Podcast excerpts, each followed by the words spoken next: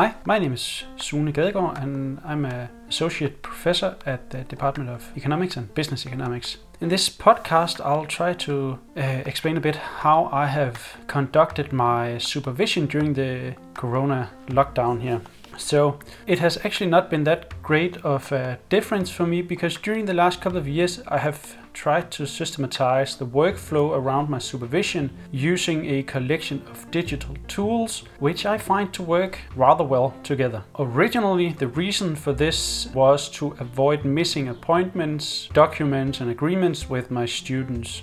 I can imagine that all researchers at AU have the same problem of receiving a large amount of emails each day. And sometimes one could fall in the trap of reading an email without responding right away. This could also sometimes lead to emails which never got answered, or worse, that the content of the mail was actually read, digested, and then forgotten again. Therefore, I decided to redirect this digital communication with my students away from my email inbox. Instead, I have tried to use a or set up a workflow relying on my Outlook calendar, Google Drive. In the Google Drive, I have a text file which I call time log for agendas and a folder which I call meetings where the students should upload everything they want me to read, and then an app called Goodreader for my iPad. I use the Google Drive folder as sort of the working uh, space for, for me and my students. So for each student or each group of students, I have a, a folder. Usually I just name it uh, after the students. And in this folder, all or at least most of our communication should take place. So before each meeting, the students have to create an agenda for the coming meeting. We agree on deadlines for when the agenda should be visible for me usually a day or two before. And this agenda is typed into the aforementioned uh, time log file, which will consist of all the agendas for all meetings uh, with that particular student or group of students. And the reason we save uh, all these uh, agendas is that gives a nice way of uh, aligning our work so that we don't misunderstand each other and we can go back and see okay last time we talked about this i thought that was uh, uh, debated and stuff like that.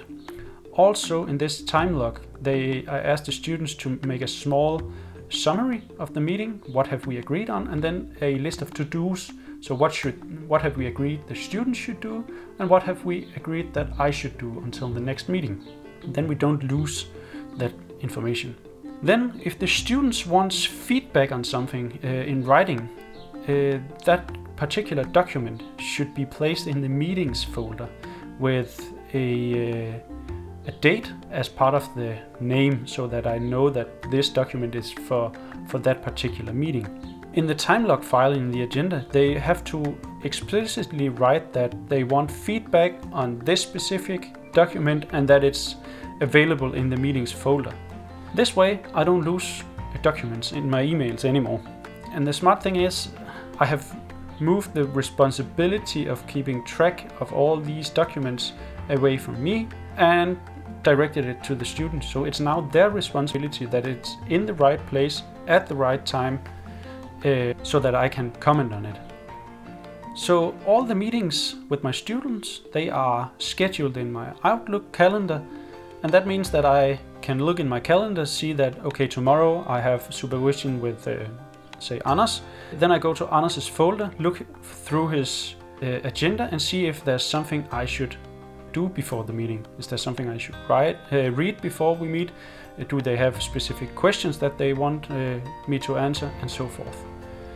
Furthermore, then I ask specifically for the students to upload PDFs because then it's a fixed format and I can use an app called Goodreader uh, for my iPad to annotate the, the documents they want comments on. So that means I can use the, the iPad stencil to write directly on the on the PDF, and I can add uh, sticky marks and all that kind of stuff. The extremely uh, handy thing is that this Goodreader uh, hooks up with a server, so you can sync files between servers. Uh, and these servers could, for example, be uh, Google Drive or Dropbox or OneDrive or whatever you use. So it means that I can go to the app sit in my sofa uh, whenever I have uh, time to, to, to read this and comment on it, then I can just, just grab the file, I can sync the file from the Google Drive into my uh, Goodreader app, write on it, and then upload an annotated version to this meetings folder. Again, nothing is lost in emails, and it's, at least for me, much, much more uh, agile and much faster workflow I get out of this uh, compared to receive something in email, remember to look at it, download it, comment on it, save it, send it back with a small, here's the document with the annotations message uh, attached to it. Also, compared to the good old print before the meeting, comment and hand it back to the students, I see there's a clear cut advantage here. This way, the students have the opportunity to, to read my comments before the meeting and ask questions. Once in a while, my comments might not be so decipherable.